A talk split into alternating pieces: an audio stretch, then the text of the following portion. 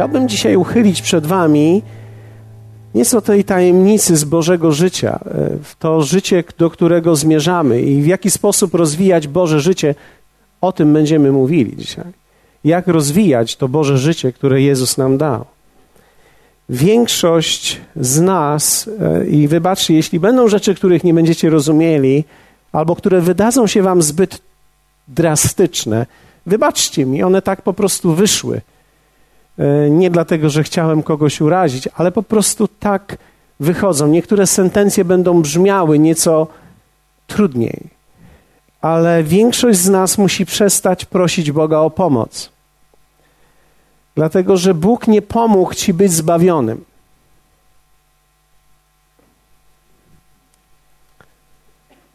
Bóg nie pomógł ci być zbawionym. Bóg nie pomógł tobie zbawić siebie. Biblia mówi, że On zbawił nas. To była Jego inicjatywa. Wiecie, nam się wydaje, że my jesteśmy tymi, którzy podejmujemy decyzje lub nie. Tak, w ostateczności my podejmujemy, ale kiedy Bóg rozświetlił prawdę nad Twoim życiem, to jeśli będziesz szczery, nie miałeś zbyt wiele wyjścia. Nie miałeś wielkiego wyjścia. To jest tak, że czasami widzimy, jak próbujemy tańczyć wokół kogoś i no już jesteś zbawiony, no jeszcze nie, ja jeszcze nie jestem w tym i tak dalej. Ja myślę sobie, to jest zabawa. No ale bawmy się, to jest bardzo fajna zabawa. Jeśli ktoś się chce bawić, jest bardzo fajną zabawą. Natomiast fakt jest jednak taki, że jeśli Pan rozświetlił światło nad Twoim życiem, i rozświetli Ci światło i Twoje serce się otworzy, nie masz szans. Bóg nie pomógł nam być zbawionymi. Bóg zbawił nas. On również nie chce nam pomóc w życiu Bożym. Wiecie, wiem, że Duch Święty nazwany jest parakletos i nazwany jest zatem pomocnik, ale to nie jest pomocnik, który pomaga nam realizować nasze życie. To jest ten, który przychodzi i chce realizować przez nas Jego życie. Czyli Bóg nie jest Bogiem do pomagania. Chrześcijaństwo nie polega na znalezieniu Boga, który nam pomoże. Chrześcijaństwo to jest znalezienie Boga, który nas zabierze w zupełnie inne życie. On nie pomaga nam żyć lepiej naszym życiem. On całkowicie rodzi nowe życie, bo to życie, które mieliśmy, nie wymaga poprawy. Ono wymaga unicestwienia. Ono nie wymaga tego, że człowiek teraz no, jakoś mi się polepszy, bo teraz już z Bogiem będę, z Panem Jezuskiem będę chodził bo tak się nie da z nim chodzić. Można go zawiesić, można go przywiesić, można go przybić, ale nie można tak nim żyć. Jedyny sposób życia, który Duch Święty wzmocni w nas, to jest życie, które On sam w nas zapoczątkował i będzie działał. Chrześcijańskie życie to nie życie z pomocą Chrystusa, ale to życie Jego życiem. Czyli nie chodzi o to, żeby Chrystus mi pomógł, tylko chodzi o to, żebym ja żył Jego życiem bo On ma plany względem mnie. Wiecie, kiedy Jeremiasz mówi, mam plany względem was, Bóg mówi w Jeremiasza, mam plany względem ciebie, zgadnijcie, co się dzieje z naszymi planami. Jest konflikt wtedy. Moje plany, moje marzenia, wow, miałem je kiedyś. Spotkałem Jezusa i wszystko się zmieniło. On dał mi nowe marzenia i nowe plany, ponieważ odkryłem, że On ma lepszy plan dla mnie niż ten, który ja miałem dla siebie. W praktyce wygląda to różnie. Bóg umieszcza w nas pewne pragnienia, my mamy je od samego początku, ale my nawet ich nie potrafimy interpretować. Pamiętam kiedyś, kiedy dojrzewałem, miałem pragnienia, żeby zwiedzać świat. Pomyślałem sobie, to byłoby cudowne, zostać marynarzem. Chciałem zostać marynarzem, więc nawet poszedłem do szkoły marynarskiej i odpadłem od razu na wzroku. Na badaniach wzroku. Powiedzieli, pan się nie nadaje na marynarza i pomyślałem sobie, mój Boże, to koniec już. W takim razie te pragnienia zwiedzania świata już się nigdy nie zrealizują, ponieważ nie będę mógł pływać, nie będę mógł być marynarzem. Ale ja nie wiedziałem o tym, że Bóg pośle mnie w różne krańce świata, tak że będę mógł zobaczyć świat, nie będąc marynarzem. Inaczej mówiąc, Bóg wkłada w nas pragnienia, ale my sami je interpretujemy. Czyli tak długo, kiedy człowiek sam je interpretuje, sam sobie wyznacza cele i kiedy spotykasz Boga i kiedy odkrywasz to, że możesz pójść Jego drogą, okaże się, że to, co zostało w ciebie włożone, te wszystkie pragnienia, one nie były pomyłką, tylko nagle w Chrystusie są prawidłowo zinterpretowane i w prawidłowy sposób prowadzone. Otwórzmy pierwszy Tesaloniczan 1, 1, 7. 1, 1, 7 to jest ten tekst, który czytaliśmy ostatnio, gdzie apostoł Paweł pisze takie słowa do kościoła, do Tesaloniczan, w Bogu Ojcu i Panu Jezusie Chrystusie i zaczyna te słowa. Pamiętacie? Łaska wam i pokój. Łaska wam i pokój. Dziękujemy Bogu zawsze za Was wszystkich, wspominając Was w modlitwach naszych nieustannie, mając w pamięci dzieło wiary Waszej trud miłości i wytrwałość w nadziei pokładanej w Panu naszym, Jezusie Chrystusie, przed Bogiem i Ojcem naszym, wiedząc, bracia umiłowani, przez Boga, że zostaliście wybrani gdyż Ewangelia zwiastowana wam przez nas doszła was nie tylko w słowie, lecz także w słowie i w Duchu Świętym i z wielką siłą przekonania, wszak wiecie, jak wystąpiliśmy między wami przez wzgląd na was.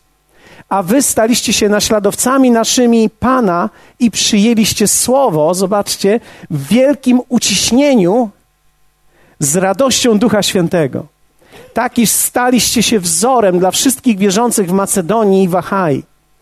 Mówiliśmy tutaj słowo wzór. Przypomnę tylko, że staliście się wzorem. Greckie słowo tupos, które oznacza kształt, stempel, wzór, przykład, model albo wydruk z drukarki.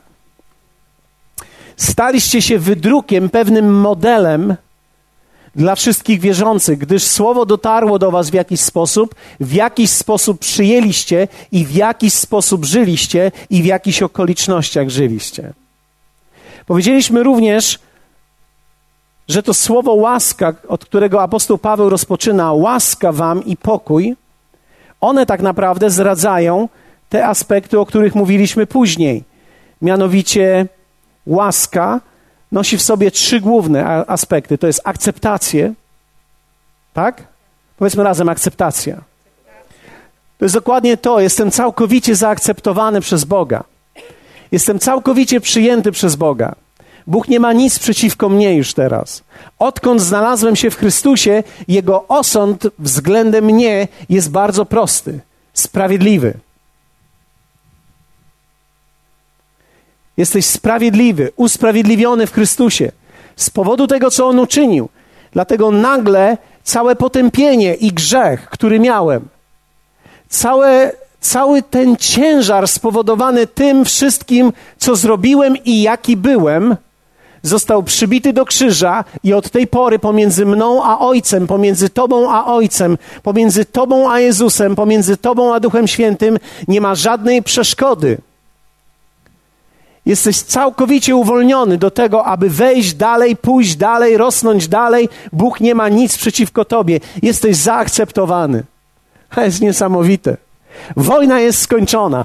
Bóg wybrał Ciebie, Bóg wybrał ludzi, Bóg wybrał mnie, Bóg wybrał nas, wspólnotę zwykłych ludzi.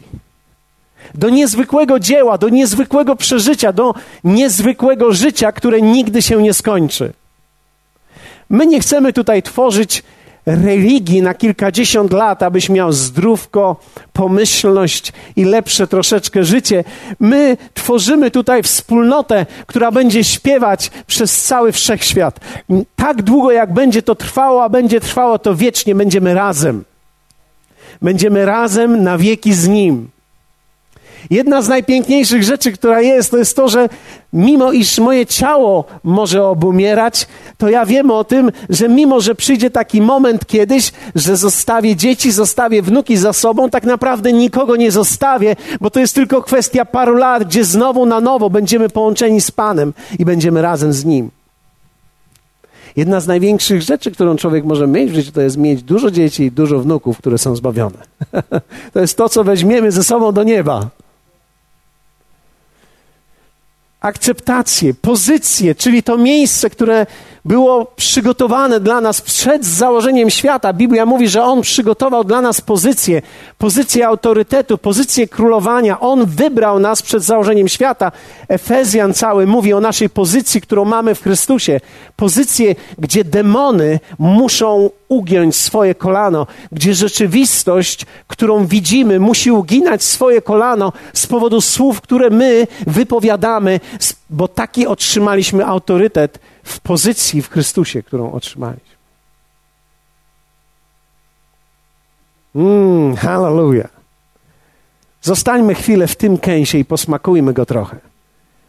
Wybrał nas przed założeniem świata. To mi mówi tylko jedno, że kiedy Biblia mówi na początku Bóg i zanim powstaje słowo stworzył niebo i ziemię, ty powstałeś.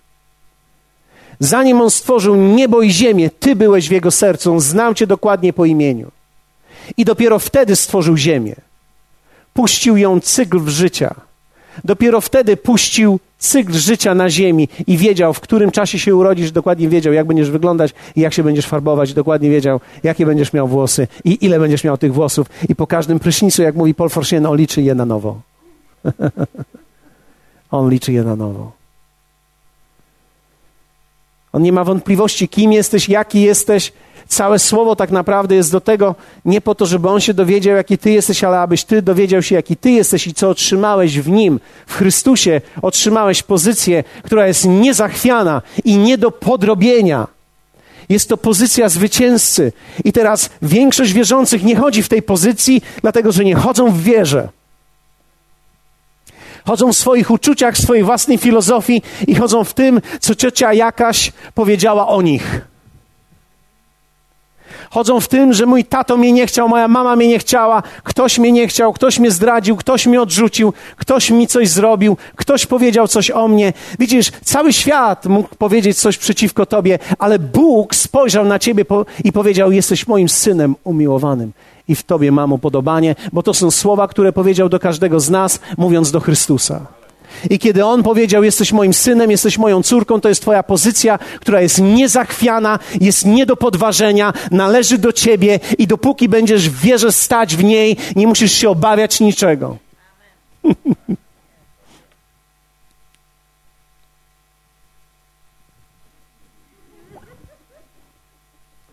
Mówię, Ewangelia jest głupstwem dla tych, którzy giną, ale dla tych, którzy wierzą, jest mocą Bożą. Mocą, której żyją i mocą, którą można uwolnić. Dzisiaj, dzisiejszego wieczoru, ta moc Ewangelii jest uwalniana i chccie ją przyjąć. Łyknij ją. Ktoś może powiedzieć, jak mogę ją przełknąć? Widzisz, nawet Twoje amen wewnątrz pomoże Tobie. Ja nie mówię, żebyś krzyczał, ale wewnątrz siebie musisz powiedzieć: tak, biorę to. Masz pozycję i Biblia mówi, masz zdolność. Mamy te trzy aspekty: akceptację, pozycję i zdolność. To nosi w sobie słowo charis. Zdolność, inaczej mówiąc, umiejętność. Bóg uzdolnił nas, Biblia mówi w liście do Kolosan, do życia nowym życiem. Czyli otrzymałeś wraz z, ze zrodzeniem z Boga wszystko, co jest potrzebne, aby żyć nowym życiem. Nie ma wśród nas ani jednej osoby, która jest niekompetentna, może być tylko niedoinformowana. Inaczej mówiąc, może siedzisz w Ferrari, ale nie wiesz, że to jest Ferrari. Wydaje ci się, że to jest malutki kopciuszek z silnikiem 753 cylindry, z zalanym silnikiem. Nie, nie, nie. Siedzisz, masz pod sobą tysiąc koni. To jest, to jest naprawdę niezłe. Trzeba wiedzieć oczywiście, co wciskać, trzeba wiedzieć, jak jechać, ale to jest przygoda, kiedy się dowiesz. Więc nie ma wśród nas ani jednej osoby, która jest niżej, która jest uboższa. W Chrystusie zostaliśmy wyposażeni wszystkim i zostaliśmy, została nam dana zdolność do prowadzenia Bożego życia maksymalna, już większej nigdy nie będziesz miał. Możesz się więcej dowiedzieć i zobaczyć, że jeszcze, kiedy już po latach dojedziesz do jakiegoś miejsca, zobaczysz, że jeszcze jest czerwony mały guzik z napisem S, czyli jazda sportowa. I możesz pociągnąć jeszcze szybciej, jeszcze dynamiczniej, jeszcze mocniej. Ja chyba dochodzę do takiego wieku, gdzie mnie biorą te silniki i tak dalej. Okej. Okay. Narysowałem wam dzisiaj nam e, tutaj to, ten obraz świątyni Mojżesza, w zasadzie tego namiotu Mojżesza. Tabernakulum. Nic nowego nie powstanie. Czy widać tutaj to dobrze z przodu? Nic nowego więcej nie powstanie. Wszystko, cokolwiek Bóg uczynił, uczynił na wzór nieba. I cokolwiek czynił tutaj na ziemi, on dał Mojżeszowi ten wzór, ponieważ odwzorował w nim Boże życie i sposób życia, w jaki człowiek ma żyć duchowym życiem. Tutaj mamy cały świat, wokół jest świat, tak? Tu mamy świat. Świat. Świat to nie są krótkie spódniczki i czerwone okulary. Świat to nie jest pomadka i szminka, to jest styl życia bez Boga. Gwarantuję wam, że szminka i okulary czerwone i spódniczki pasują też tutaj. No pewnie nie za krótkie, bo oni tu nosili dłuższe, ale mam nadzieję, że rozumiecie mnie, o czym mówię, tak? Niektórzy myślą, że świat, świat to jest wszystko to, co wygląda na eleganckie i wszystko to, co wygląda na nowoczesne. Nie, nowoczesność powinna być tutaj, ale bez grzechu. Wiecie, świat to nie jest wyrzucić telewizor, świat to jest wiedzieć, kiedy go wy... E, e, Bo, Boże życie to jest wiedzieć, kiedy go wyłączyć. Tak? Okej, okay. ale nie, nie chcę teraz mówić o tym. Tu jest świat, naokoło jest świat i teraz zostałeś zbawiony. Kto z was tutaj jest zbawiony? ja też jestem zbawiony, okej. Okay. To pomaga, kiedy współpracujesz ze mną. I teraz wszedłeś do tego miejsca. Nie można było zobaczyć, co tam jest. Bóg wprowadził ciebie. Kryzys i cierpienie wprowadza nas w to miejsce. Żaden człowiek nie przychodzi do tego miejsca, dlatego że pomyślał, ach, mam już wszystko, mam samochód, żonę, dzieci, parkę, jest fajnie. Czego mi jeszcze brakuje? Ach, Jezusa. Pomyślałem, Jezusa. Więc w takim razie będę zbawiony, pójdę do wody życia i powiem, Jezus jest moim Panem i będę żył nowym życiem. Tak nie jest. Człowiek wchodzi tutaj w, miejsc, w miejsce tego przedsionka, to jest przedsionek, tak? W miejsce tego przedsionka wchodzi z powodu kryzysu, tak naprawdę niekoniecznie kryzysu tylko w swoim życiu, ale kryzysu siebie. Człowiek musi dojść do krańca siebie. Dlatego, kiedy człowiek się cieszy, mam to, mam tamto, jeszcze to jest fajnie, jeszcze to jest fajnie, to jeszcze nie jest czas dla niego, jeszcze jest w dalszym ciągu w świecie, nawet jeśli rzeczy, którymi się zajmuje, wcale nie muszą być światowe. Ale on się cieszy tym wszystkim i póki jest mu dobrze, niech mu będzie dobrze, ja chwilę poczekam, aż go kryzys znajdzie. Dla nas wszystkich, którzy znaleźliśmy się już tutaj, Przeszliśmy i weszliśmy do tego miejsca. Tutaj jest dziecinada. Większość ludzi jest tutaj. tutaj jest dziecinada. Dlatego tutaj w tym miejscu większość ludzi się kłóci. Większość ludzi ma konflikty. Większość ludzi nie rozumie jedności. Większość ludzi nie rozumie siebie samych nawet. Non-stop chcą składać ofiary, więc ciągle się czują potępieni. Są ludzie, którzy przychodzą z niedzieli na niedzielę. Teraz nagrzeszyłem. Boże, jak ja ci spojrzę. Stanę za filarem lepiej. Boże, piłem cały, cały, cały weekend piłem, Panie. Teraz mam nadzieję, że ten miętus wystarczy. Jezu, proszę Ciebie. O, fajną piosenkę śpiewają. Fajnie, że tą piosenkę zaśpiewali. O, i tak wychodzą z tego spotkania i czują, o, tak naprawdę Bóg jednak chyba jest, naprawdę, bo jednak tyle ludzi by w Niego nie mogło tak nie wierzyć. No, przecież to musi być Bóg w tym. No i, i tak chodzą i kręcą się i Panie, jeszcze raz tutaj, jeszcze tą ofiarę i teraz słyszą Słowo. Wiecie, Słowo jest głoszone i słowo, kiedy jest głoszone, człowiek zawsze czuje się lepiej, kiedy jest głoszone Słowo Boże. Kiedy jest głoszone Słowo Boże, ty będziesz czuł się podniesiony, nawet jak nie będziesz nic z niego rozumiał. Ta atmosfera, którą Słowo wytwarza, po prostu wyjdziesz i powiesz, jest mi lepiej. Nie wiem o co chodziło, ale jest mi lepiej.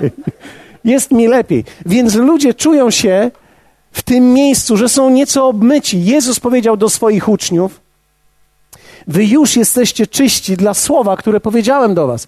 Inaczej mówiąc, słowo ma tendencję do oczyszczania naszego życia. I kiedy człowiek słyszy, nawet jeśli do końca nie rozumie słowa, to w dalszym ciągu jest oczyszczony. No i teraz tutaj zaczyna się to chodzenie w kółko, mycie, ten myje tego, ten myje tego, ten pomaga temu, przyprowadza ten na grupę tego, ten przyprowadza, nie chce, ja nie chcę iść na grupę, ja bym zajrzał, co tam się dzieje, bo tam mam kolegę, dobrze, idź, wróć, tylko pamiętaj, poszedł na bałaganiu, wraca tutaj, jeszcze raz ofiarę składa, jeszcze raz posłucha słowa, myśli sobie, Jezus w dalszym ciągu jest Panem. Tutaj jest ta cała dziecinada, kłótnia i to wszystko, tak?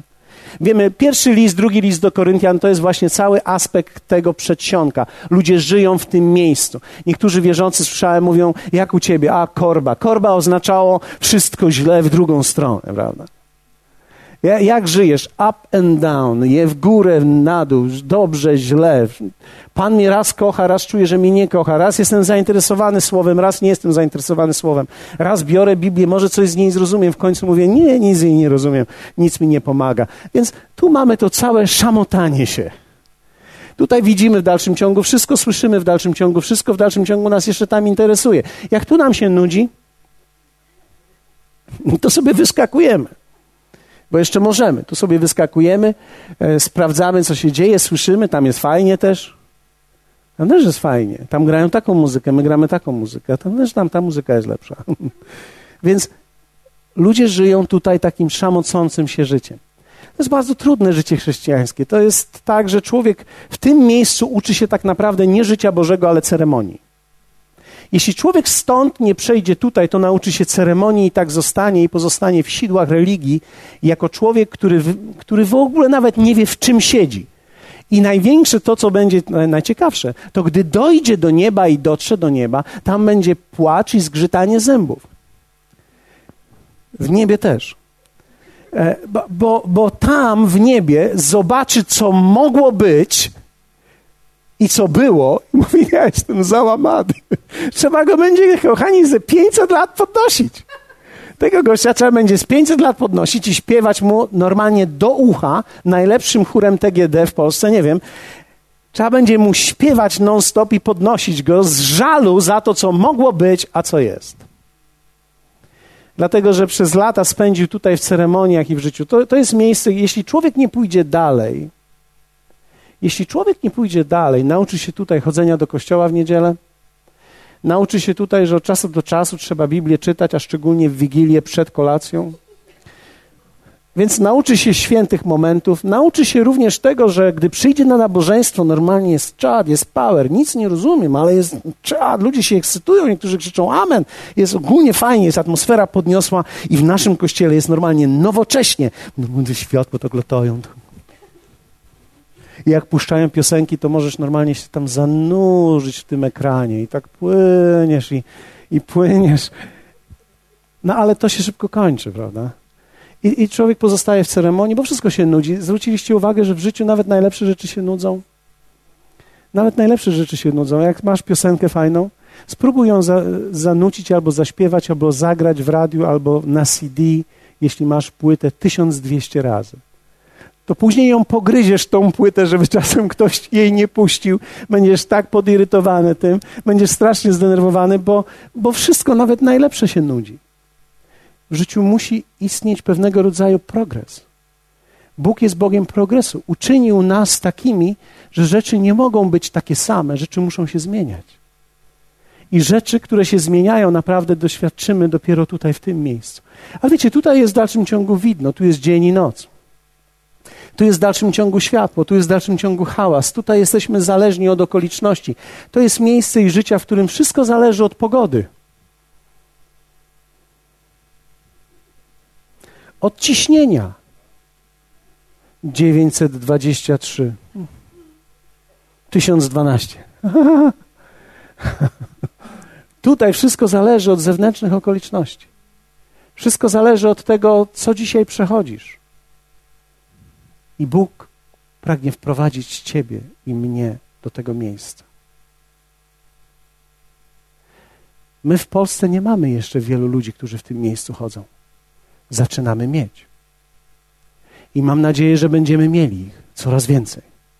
Mam nadzieję, że w przyszłych latach, w przeciągu 10-20 lat, Będziemy mieli tutaj kilkudziesięciu takich, którzy tak chodzą. Z tysiąc będzie przychodziło. No i pozwolimy im się bawić. Bo to jest w porządku. Bo oni muszą tu przyjść, żeby usłyszeć zaproszenie dalej. Ale my nie chcemy, żeby ludzie byli tylko tutaj. My chcemy, żeby ludzie weszli tutaj. A to jest zupełnie inny rodzaj życia.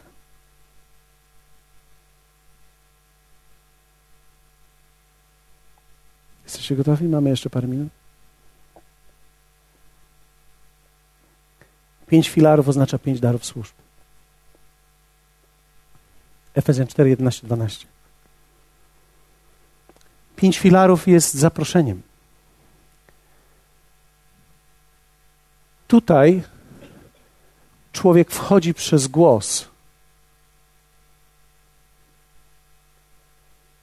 Tutaj wchodzi przez namaszczenie i pragnienie. Tutaj jest głód, który go ciągnie dalej. Są wierzący ludzie, którzy tańczą wokół i bawią się tym, i w końcu dochodzą do takiego miejsca, gdzie mówią: Musi przecież być coś dalej. Przecież życie nie może polegać tylko i wyłącznie na tym.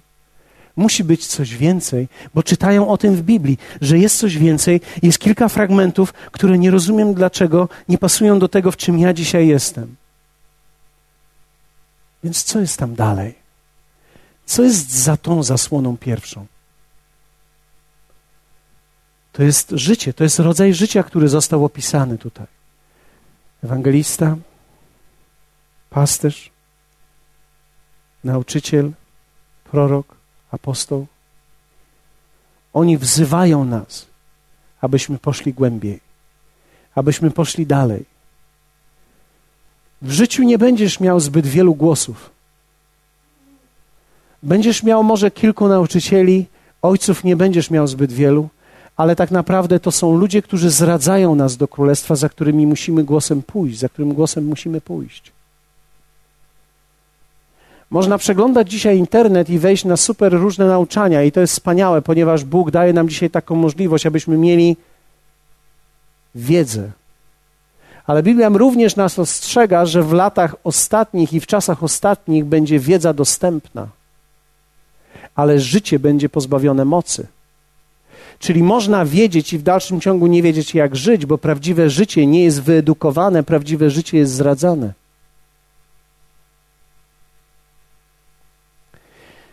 Nie da się dzieci nauczyć, mówiąc im, co mają robić. Trzeba im pokazać, jak to się robi, a to jest zrodzone życie. Dlatego dylemat wychowawczy nie polega na tym, że a nie mówiłem, bo to nie jest kwestia, co mówiłeś, kwestia jest, czy demonstrowałeś. Ponieważ Boże, w Boże życie się wprowadza przez demonstrację, przez demonstrację, nie. My rozumiemy demonstrację ale nie tą uliczną demonstrację. My demonstrujemy Boże życie, nie edukujemy tylko Bożego życia. Część jest edukacji, ale jeśli dziecko czy młodzian nie widzi tego, co jest mówione w tym, kto mówi, nigdy za tym nie pójdzie. Odbije się od tego.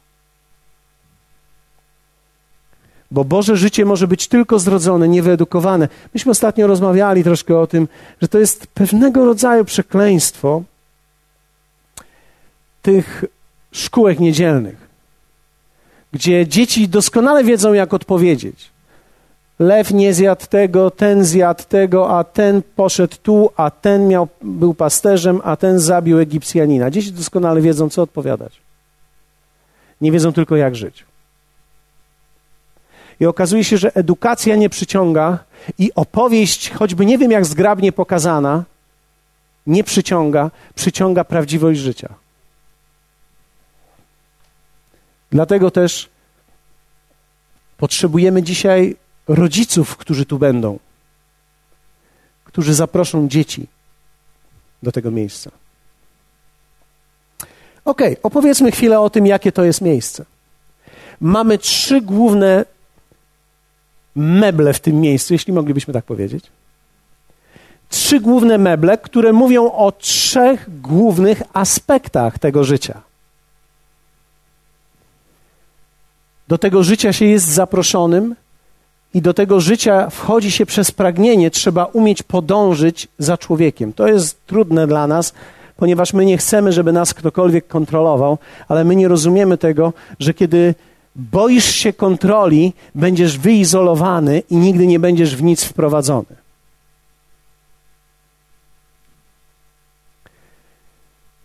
Ale to też jest chyba inne kazanie, bo widzę, że nie zainteresowałem was tym, ale mamy trzy meble. Mamy, to przepraszam za ten rysunek, on tak wygląda, jak wygląda, ale musicie mi uwierzyć na słowo. To jest ołtarz pokładny, na którym są chleby. Stół i mamy dzisiaj również stół. Mamy świecznik, Też mamy świecznik. Ok. I jest ołtarz kadzidlany do spalania kadzidła, które było specjalnie tworzone. Kadzidło było bardzo interesujące, ponieważ składniki tego kadzidła, było ich dokładnie pięć, one były specjalnie dobierane jedną z nich była gorycz miry, która symbolizuje smutek i tragedię życia. Za chwilę do tego odniosę się, ponieważ to jest też ważne, ale woń, która to wydawała, była niesamowita, była wspaniała. I teraz te trzy meble, stół z chlebami, symbolizuje słowo. Tu jest również słowo, ale tutaj słowo służy do czegoś innego. Tu słowo służy na pokarm. Tu jest słowo, którym się karmię. To jest moment, do którego człowiek jest zaproszony i ktoś otwiera przed tobą Biblię i zaczyna ci mówić o rzeczach, które można, które można jeść. Które nie tylko oczyszczają, ale które gdzieś wewnętrznie budują. Jesteście? Słowa, które nie są tylko i wyłącznie kazaniem inspiracyjnym, ale pokarmem na każdy dzień.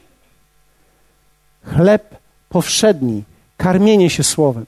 Dlatego też mieliśmy ostatnio w styczniu na temat słowa kazania. W zasadzie te słowa miały posłużyć jednemu: zainspirować ludzi do tego, że jest coś więcej w słowie niż do tej pory to, co czytałem. Dlatego, że każdy wierzący zrodzony z Boga ma obietnicę, że będzie słowo rozumiał. Nie wszystko, ale wystarczającą ilość na dany dzień. Człowiek nie musi wszystkiego rozumieć, bo nie da się zjeść całego chleba, który masz w chlebaku. Chyba, że masz bardzo mało, tak jak ja dzisiaj wieczorem. Człowiek zawsze ma, powinien mieć więcej niż potrzebuje zjeść na raz.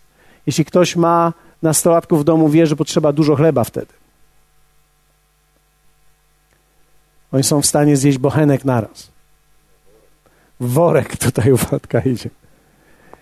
Ale to jest zupełnie inny sposób karmienia się. To jest karmienie się jednym zdaniem. Nawet takim. On wybrał nas. Siedzisz, siedzisz, dostałeś takiego kromala. I jesz. On wybrał mnie. Chwileczkę, pomyślmy chwilę. I ty siedzisz rano i 15 minut. Hmm, wybrał mnie. Chyba to podkreśla. Hmm, mnie. Hmm, ciekawe. Zanim się urodziłem, to jest ciekawe. Wiedział, że będę. Jak wiedział, że będę, to znaczy, że musiał wiedzieć, przez co będę przechodził. On wiedział, za kogo wyjdę albo z kim się ożenię. On znał moje przyszłe cierpienia. On mnie do nich przysposobił. On mnie wyposażył. On dał mi łaskę, żebym przez to przeszedł. Więc życie nie może być tak ciężkie, jak mi się wydaje, ponieważ skoro On mnie wybrał, wyposażył, wiedział z kim będę i jak będzie to wyglądało, On da mi rozwiązanie na każdą sytuację, w której jestem. Wiecie, człowiek karmi się tym. To było najczęstsze miejsce, do którego zachodzili, a pod koniec dnia zachodzili tutaj. I teraz to miejsce, ten świecznik symbolizuje naturę Bożą. To są owoce ducha. Jest ich dziewięć. Są trzy pary, trzy pierścienie na trzech ramionach, dziewięć owoców. Dziewięć owoców, które mówią o naturze Bożej. I jest dziewięć darów, które mówią o służbie Bożej. I w tych owocach i w służbie On jest światłem dla mnie, jak to robi. I to jest to, czego się uczę. Uczę się, aby duch, który mnie oświeca, wyciągał ze mnie owoc i aby wyciągał ze mnie służbę.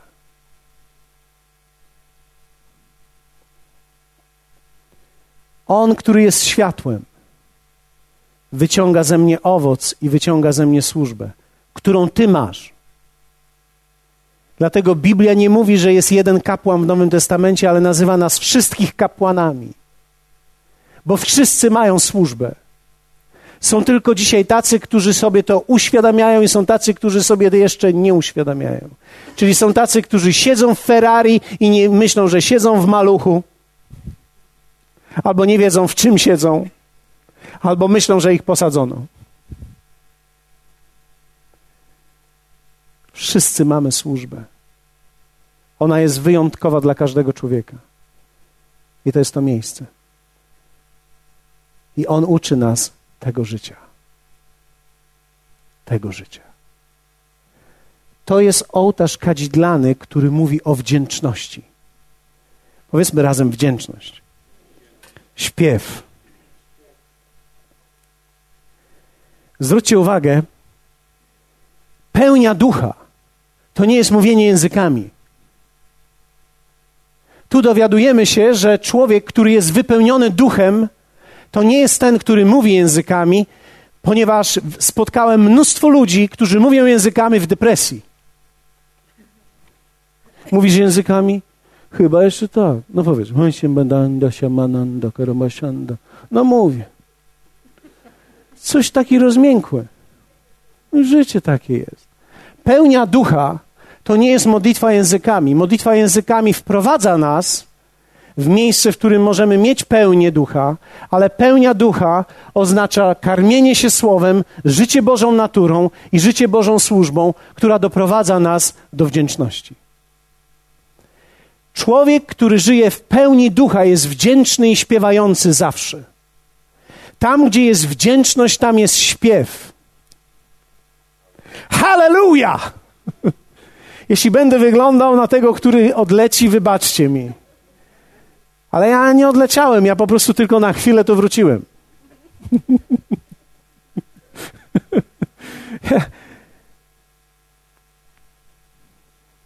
To jest miejsce, w którym człowiek wygląda i żyje tak, jakby nie miał problemów. A ma ich potąd. Ma ich potąd, ponieważ jest w świecie, który jest przeciwny temu, czym on żyje. Dlatego Jezus powiedział: W świecie ucisk mieć będziecie. Ale nie martwcie się. Ja zwyciężyłem świat. To jest miejsce, w którym człowiek nie jest załamany. Boże, ukradli mi lampy w samochodzie. I co ja teraz zrobię? Tylko pamiętam w tych dniach, w tym, w tym cyklicznych problemach, które miałem i w których od czasu do czasu przychodzą z taką siłą i z takim natarciem, Bóg wprowadza mnie w to miejsce, że Jego chleb, Jego światło, Jego natura, Jego obecność wystarczy.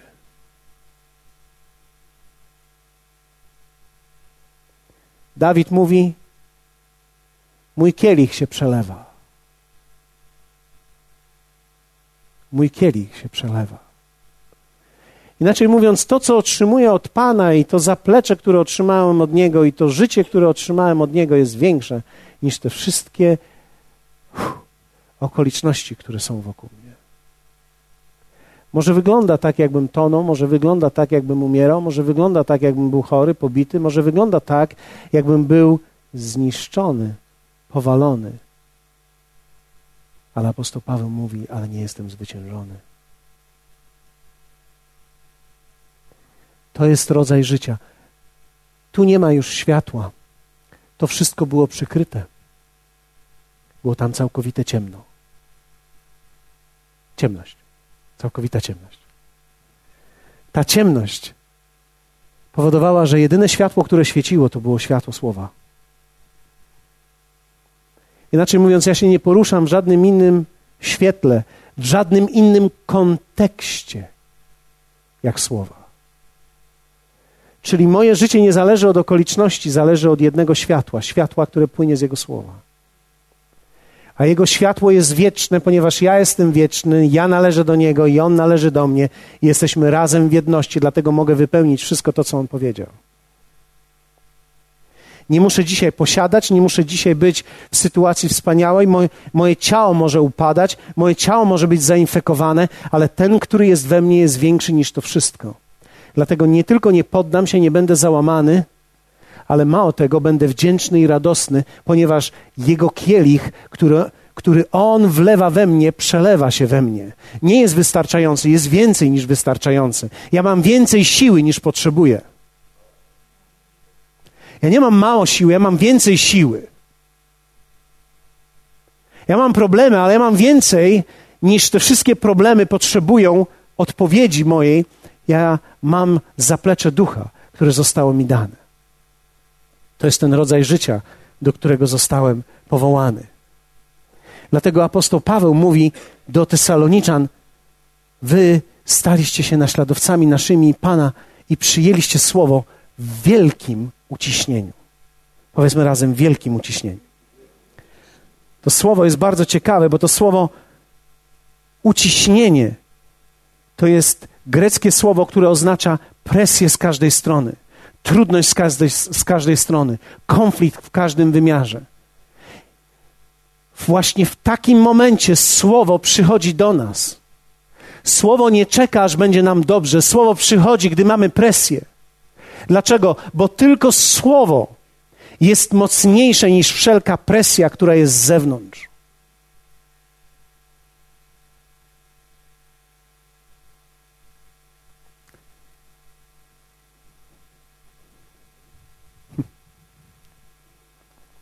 On wprowadza nas w to miejsce.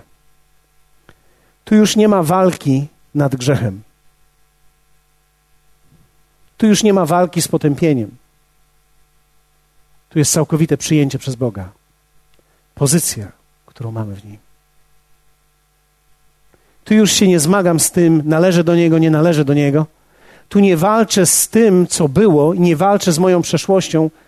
Tutaj największą walkę prowadzę z moim własnym ego. Tu walczyłem z produktem ego. Tu walczę z samym ego.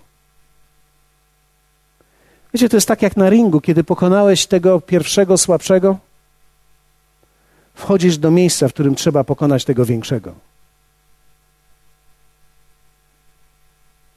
Kiwajcie głową, jeśli wiecie, o czym mówię. Ktoś, ja wiem, że kobiety może nie wiedzą, o czym mówię, ale to wygląda właśnie w taki sposób, że najpierw dwóch walczy słabych, dwóch walczy słabych, później ten dwóch słabych, jeden z nich zwycięża, wtedy dwóch zwycięzców staje naprzeciwko siebie i muszą walczyć ze sobą. Grzech i przeszłość, którą miałeś, zostało zwyciężone przez Jezusa na krzyżu. Ty nawet nie musiałeś walczyć o to. To zostało za ciebie przez Niego wywalczone. Sprawiedliwość On odzyskał dla ciebie na krzyżu.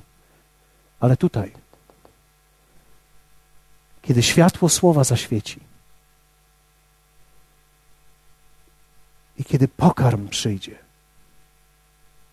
i kiedy wdzięczność będzie wychodzić, tym miejscu temu człowiekowi, który tu wszedł, zacznie brakować tego. Ktoś może powiedzieć, jak to jest? Bo zostałem tutaj wykarmiony, a tutaj zaczynam być poszczony.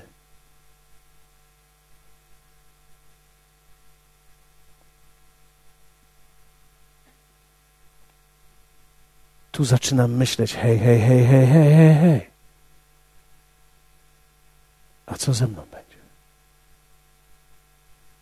Co z moim życiem będzie? Tylko słowo, tylko Biblia, tylko Kościół, Jezu. Tylko Bóg, tylko Duch. Przebaczać, przebaczać, przebaczać. Ile można przebaczać? Ile razy mam przebaczać? Tej samej osobie, z którą żyję.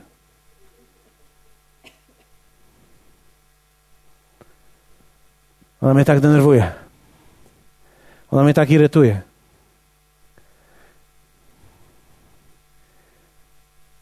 Wszyscy, którzy żyją blisko innych ludzi, wiedzą o czym mówię. I jeszcze do, na dodatek tego wszystkiego, Bóg wprowadza cię w kościół. Jest. Rodziny się nie wybiera. Niektórzy myślą, że można, ale rodziny się nie wybiera. Ci, którzy rodzinę zmienili, wiedzą, że nie da się do końca zmienić rodziny. Rodzina zawsze ma swoje silne strony i słabe strony. I po jakimś czasie te słabe strony zaczynają nas denerwować.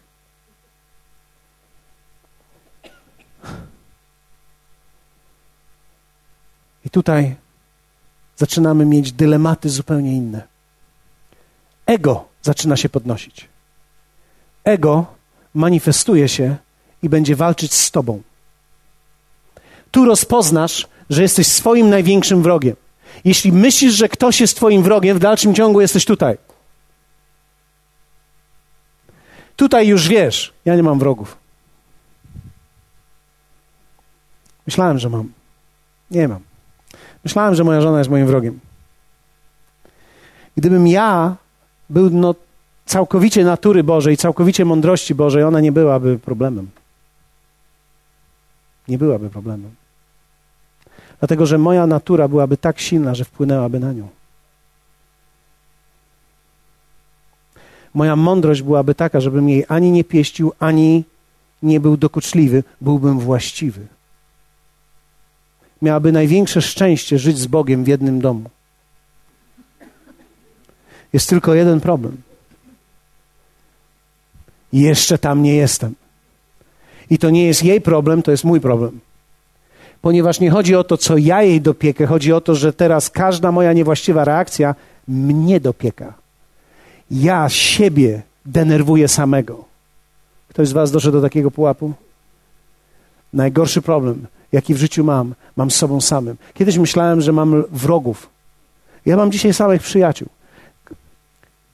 Ktokolwiek chce być moim wrogiem i mówi: Nie należysz do mnie Podoba mi się. Jeden z kaznodziejów powiedział, to ja wtedy biorę cyrkiel i kreślę większe kółko i go włączam w to. Po prostu jest tak, że uczymy się otwierać nasze serce, ponieważ nawet okazuje się nasz wróg, czy człowiek, który jest przeciwko nam i tak jest w jednej rodzinie. Ja nie wiem, w którym rzędzie przytrafi, ja nie wiem, w którym rzędzie trafi ci w niebie śpiewać. Bo wyobraź sobie, że będziemy na ziemi wrogami, będziemy zbawieni, a w niebie będziemy śpiewać w tym samym głosie obok siebie. Ja wolę się z tobą już teraz pojednać i wolę się już do Ciebie teraz przyzwyczaić, bo później całą wieczność będę z Tobą połączony. A może będziemy mieli z Waldkiem trzy skrzydła. Albo dwa. On będzie miał lewe, ja będę miał prawe. I teraz od jego machania będzie zależało moje fruwanie. Więc ja wolę już teraz się z nim pojednać i nie mieć jego jako wroga. Bo, na, bo, nawet jeśli się teraz na 50 lat odizoluję, a później całe wieki będę z nim miał fruwać, to naprawdę nie będzie dobrze. 300 lat nam zajmie trenowanie. Ego ma swój język. Oto język ego, z którym się zetkniesz tutaj. Jeśli tam kiedyś wejdziesz.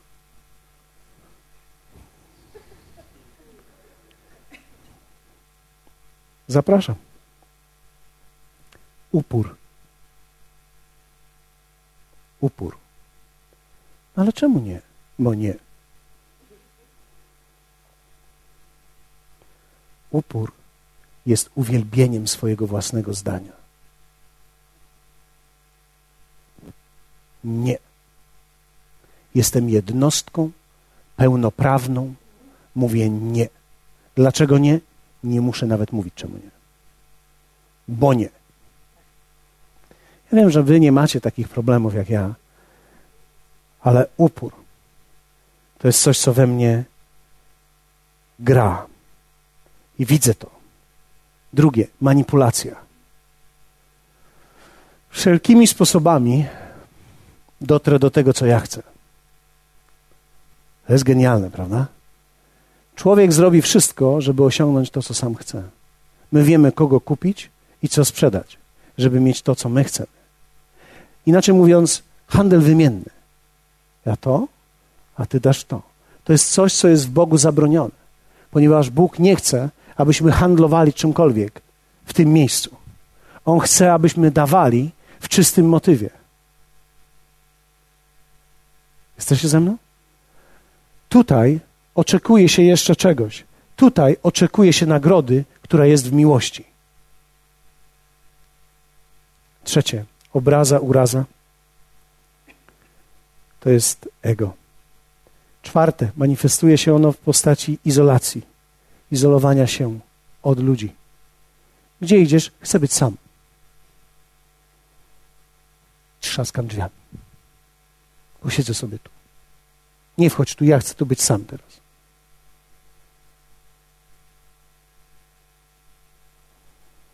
Wracaj tu z powrotem. Pobiegaj sobie tu wokół ołtarza. Wskocz tutaj do jacuzzi, proszę cię. Odśwież się, zrób cokolwiek, przysmaż się tu, zrób sobie cokolwiek. Ale proszę cię, tu już jest ciemno, tu już nic nie widać, tylko Jego światło. Tu nie możemy chodzić inaczej, jak tylko w kontekście Bożym. Dlatego w domu też uczymy się tego. Nie może być tak, kiedy moja żona jest poirytowana, ona pójdzie, trzaśnie drzwiami i zamknie się w pokoju. Nie będziesz tam sama siedzieć. Ja tam pójdę do ciebie. Będziemy siedzieć razem. Bóg powołał nas do wspólnoty. W smutku, ale ja chcę trochę pomyśleć bez ciebie. Nie będziesz myślała beze mnie, byś myślała ze mną. Ja cię zamęczę samym sobą. Dlaczego? Ponieważ my musimy się chronić przed takimi rzeczami. Dziecko się obrazi, idzie do pokoju, trzaśnie drzwiami. Wracaj mi stamtąd. Nie! Wychodź mi stamtąd. Wiecie, przebaczenie to nie jest taka wielka sztuka. Pojednanie jest sztuką. Człowiek mówi: Ja przebaczyłem i nie chcę mieć z tobą nic wspólnego.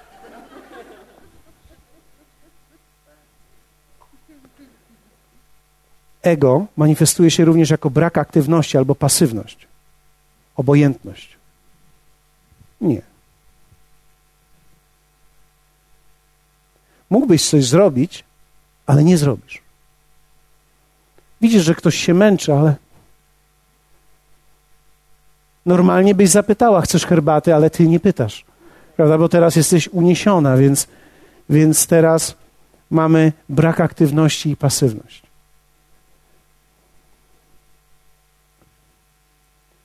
W seksualnym wymiarze to jest w ogóle też genialne, prawda? Nie ma nic tak pięknego jak pasywny partner. Wiecie, to jest wyraz miłości tak naprawdę. Dlatego, że aktywność mówi o kochaniu drugiej osoby. Przepraszam, że to mówię, ale to chyba większość z nas jest dorosłych tutaj. Najgorsze, co może być, to no proszę bardzo, no, Ach, już musisz. No to wtedy mówisz, no aż tak, to ja już nie muszę, no.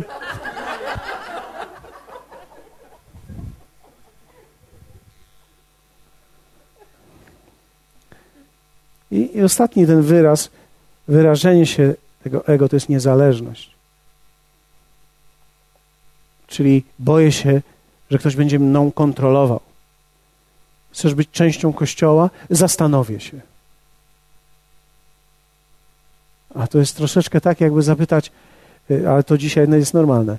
Żyją razem, małżeństwo żyje razem, płacą wspólnie rachunki, śpią razem.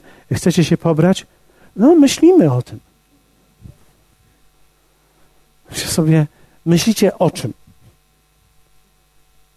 Czyli my dzisiaj nie widzimy, że tak naprawdę przymierze to jest to wszystko, co mamy. My nic więcej nie będziemy mieli.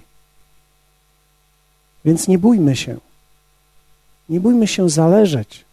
A jak ktoś mi oszuka, nie, no to, to tak nie można żyć. Wiecie, tak nie można zbudować. To jest tak, jakby dziecko przyszło do ciebie i powiedziało: Masz za dużą kontrolę nade mną. Myślę, że nie podoba mi się to, co mówisz. Będziemy od dzisiaj żyli niezależnym życiem, ponieważ ja się boję, że ty mnie stłamsisz moją osobowość. Jak będziesz tak mnie kontrolował. Więc od dzisiaj, jak chcesz do mnie wejść, to pukać proszę. A nie tak sobie wchodzisz do pokoju, jakby to był twój pokój. Wiedziałeś przecież, że to jest mój pokój. Jeśli ja bym był ojcem takiego dziecka, to ja bym powiedział tak, nie tylko to jest mój pokój, to są moje drzwi. Właśnie je straciłeś. Kiedyś mogłeś się zamknąć, a teraz już nawet się nie będziesz mógł zamknąć z futryną, wyjeżdżają jutro. Nie wyjeżdżają teraz. Nie masz prawa stawiać żadnych warunków, ponieważ jesteś pod całkowitą kontrolą. Mój Boże, co za traktowanie dzieci. To jest bezpieczeństwo dla nich. Bo jeśli dziecko zachowuje się w taki sposób, ono sobie samo krzywdę zrobi, ja już muszę je w tej chwili opasać białym kaftan mu założyć, bo ono już jest niebezpieczne dla samego siebie. Jesteście ze mną? Mam nadzieję, że nie brzmi strasznie dzisiaj, a jeśli tak, przyjdźcie w niedzielę, będzie lżej. Wiecie, ja dzisiaj mam mało czasu, muszę ugotować dużego, duży kawałek mięsa i do końca go nie dogotuję. Więc resztę musi być przetrawione takie, jakie jest. Wzrost i prawdziwe życie, tak naprawdę Boże życie,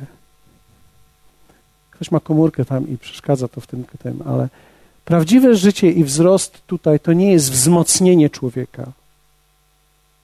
Tylko prawdziwe życie i wzmocnienie, i, i, i wzmocnienie nowego człowieka to jest tak naprawdę życie przez osłabienie. Większość ludzi myśli, że jako wierzący są za słabi. Czy niektórzy mówią tak, ja jestem jeszcze słaby.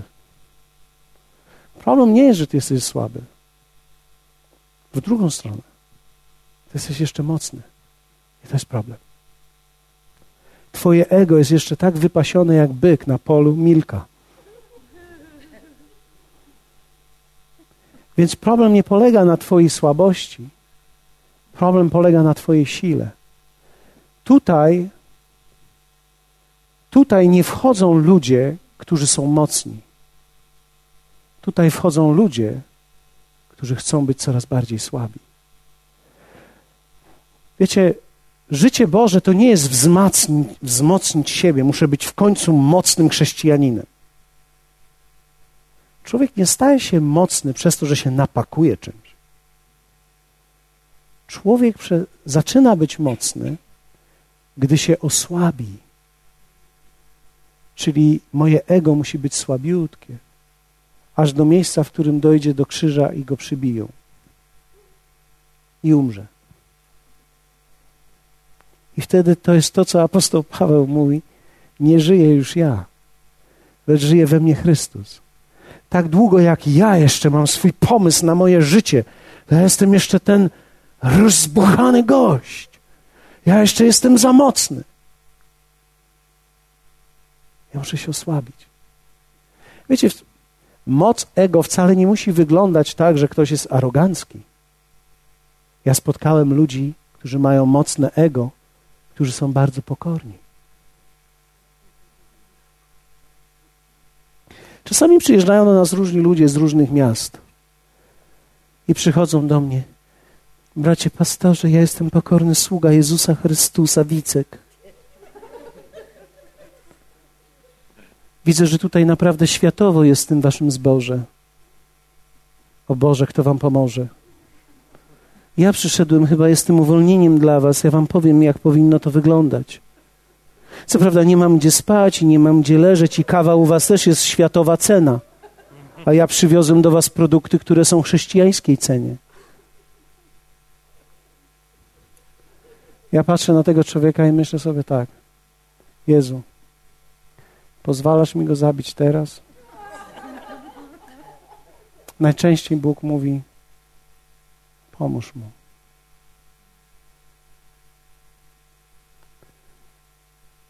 Wiecie, dlatego, że ten człowiek sam nawet nie wie, że on ubrał w religię i w pokorę swojego największego byka ego.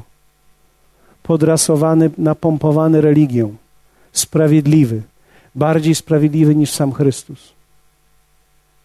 Jeden do mnie przyszedł i powiedział: A ja, bracie, chcę ci powiedzieć, że we mnie korzenie żydowskie są. A ja myślę sobie: Może i ty masz korzenie żydowskie, ale ja mam pismo żydowskie. Biblia nie mówi, że żyje ten, kto ma korzeń. Biblia mówi, że żyje ten, kto ma życie ze słowa. Ja, myślę sobie, że niektórzy ludzie myślą, że dlatego, że znaleźli w sobie korzeń żydowski, teraz nagle ich to wywindowało przy Chrystusa, sobie przy nim usiedli na tronie, aby sądzić rzeczywisty świat.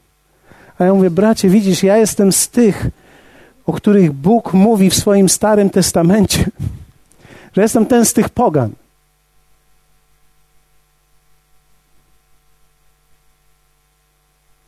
Ale jeśli mam być szczery, to z Adama we mnie też trochę jest. A kim on był, to sam sobie odpowiedz. Był Żydem czy nie?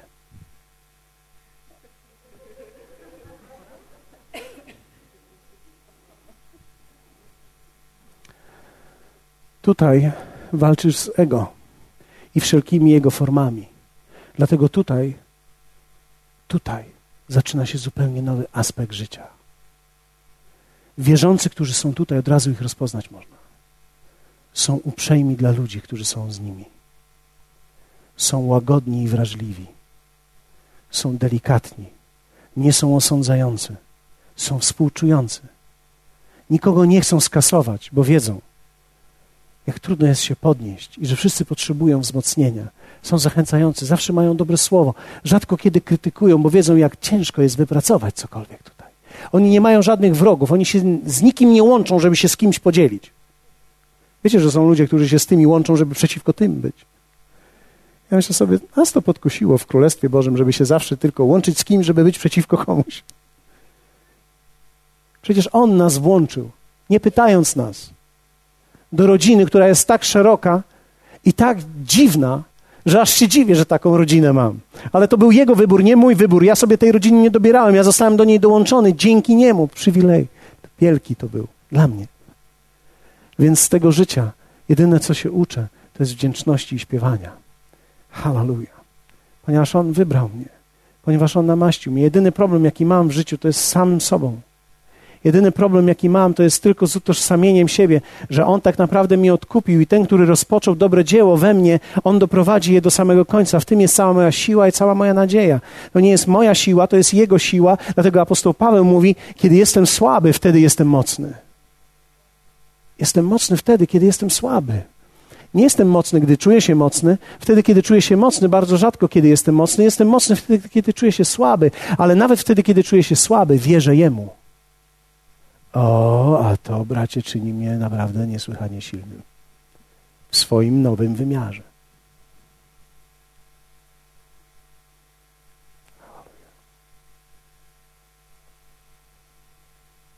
I dzisiaj chciałem powiedzieć Wam, apostoł Paweł w 2 Koryntian mówi, dlatego mam upodobanie w słabościach, w zniewagach, w potrzebach, w prześladowaniach, w uciskach dla Chrystusa. Ok, jeszcze raz, jeszcze raz.